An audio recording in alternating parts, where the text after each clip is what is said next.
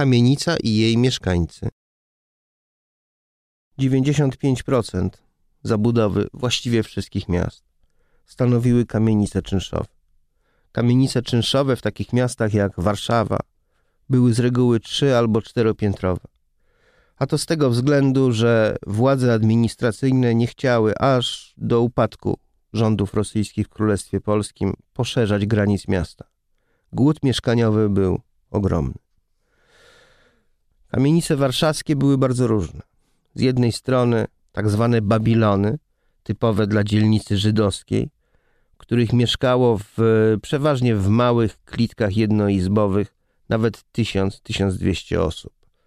To, co łączyło taką kamienicę, to były podwórka. Typową cechą warszawskiej kamienicy jest tak zwane podwórko studniowe. Kamienica zwykle powstawała w ten sposób, że najpierw kupowano działkę, następnie wznoszono budynek frontowy. Na jego rogach w głąb działki budowano oficyny, gdzie mieszkali ludzie pośredniejszego stanu za niższe czynsze. Następnie budowano wewnątrz działki taki budynek poprzeczny, w którym wybijano bramę i w ten sposób mieliśmy jedno podwórko, a potem jak się przedłużało oficynę i budowało drugi budynek poprzeczny, powstawała kamienica z dwoma podwórkami. Kamienic takich właściwie już dzisiaj nie ma, może jeszcze trochę na Noakowskiego i w Alejach Jerozolimskich tuż przy skrzyżowaniu z Marszałkowską można poczuć taki smak i zapach dawnej Warszawy. Aczkolwiek nie ma już tych podwórek. Nie ma artystów na nich występujących, nie ma nawet tłumu krzyczącej dzieciarni. Wszyscy siedzą przy komputerach, przy Facebooku.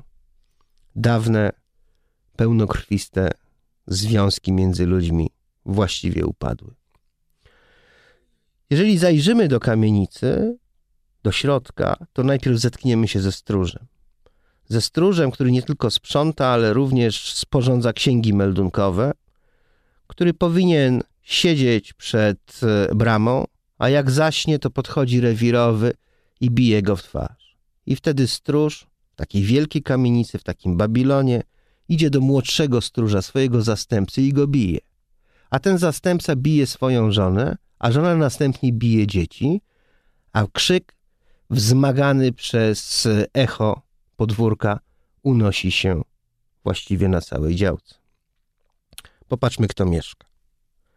Na naszej kamienicy, na pięknej 21, przed wojną zwanej Piusa 21, to jest obecnie kawałek dzielnicy MDM. Otóż tej kamienicy powstałej w początku lat 90. najważniejsi lokatorowie mieszkali na pierwszym i drugim piętrze budynku frontowego z balkonami. Mamy więc dwóch rosyjskich generałów, prezesa sądu, jedynego zresztą Polaka w tym towarzystwie, i Georgija Wulfa, docenta Uniwersytetu Warszawskiego, który za lat dwadzieścia kilka stanie się jednym z najsławniejszych na świecie krystalografów. Pracował w Warszawie na uniwersytecie do roku 1906, kiedy to uniwersytet został zamknięty z powodu strajku studentów domagających się wykładów po polsku. Niektórzy profesorowie, w tym Wolf, podpisali nawet petycję a, popierającą studentów. Na nic. Władze się nie zgodziły. Wolf przeniósł się do Moskwy. Jeżeli popatrzymy na parter, popatrzymy na trzecie piętro naszej kamienicy, okaże się, że tam mieszkają jakiś lekarz wojskowy, zapewne felczer, jakaś e, starsza pani, często zmieniająca służące, jacyś e, pracownicy umysłowi, powiedziałbym, niższej klasy. Bo parter i trzecie piętro to już jest gorsza sfera. W oficynach spotykamy od niejakiego kuchty, właściciela fabryki naczyń kuchennych, po kramarza. To już są właściwie pracownicy fizyczni. Ale jeśli spojrzymy na okna wychodzące na ulicę, okna sutery, te najniższe. Tam w jednoizbowych lokalach gnieździ się czasami po kilkanaście osób. i są to niemal wyłącznie robotnicy fizyczni. Tam nie ma ani jednej służącej. Hierarchiczne społeczeństwo, podziały klasowe to nie tylko lepsze i gorsze dzielnice jak dzisiaj. Podziały klasowe czasami wyznaczane są przez sufit lub podłogę, zależy z której strony spojrzeć.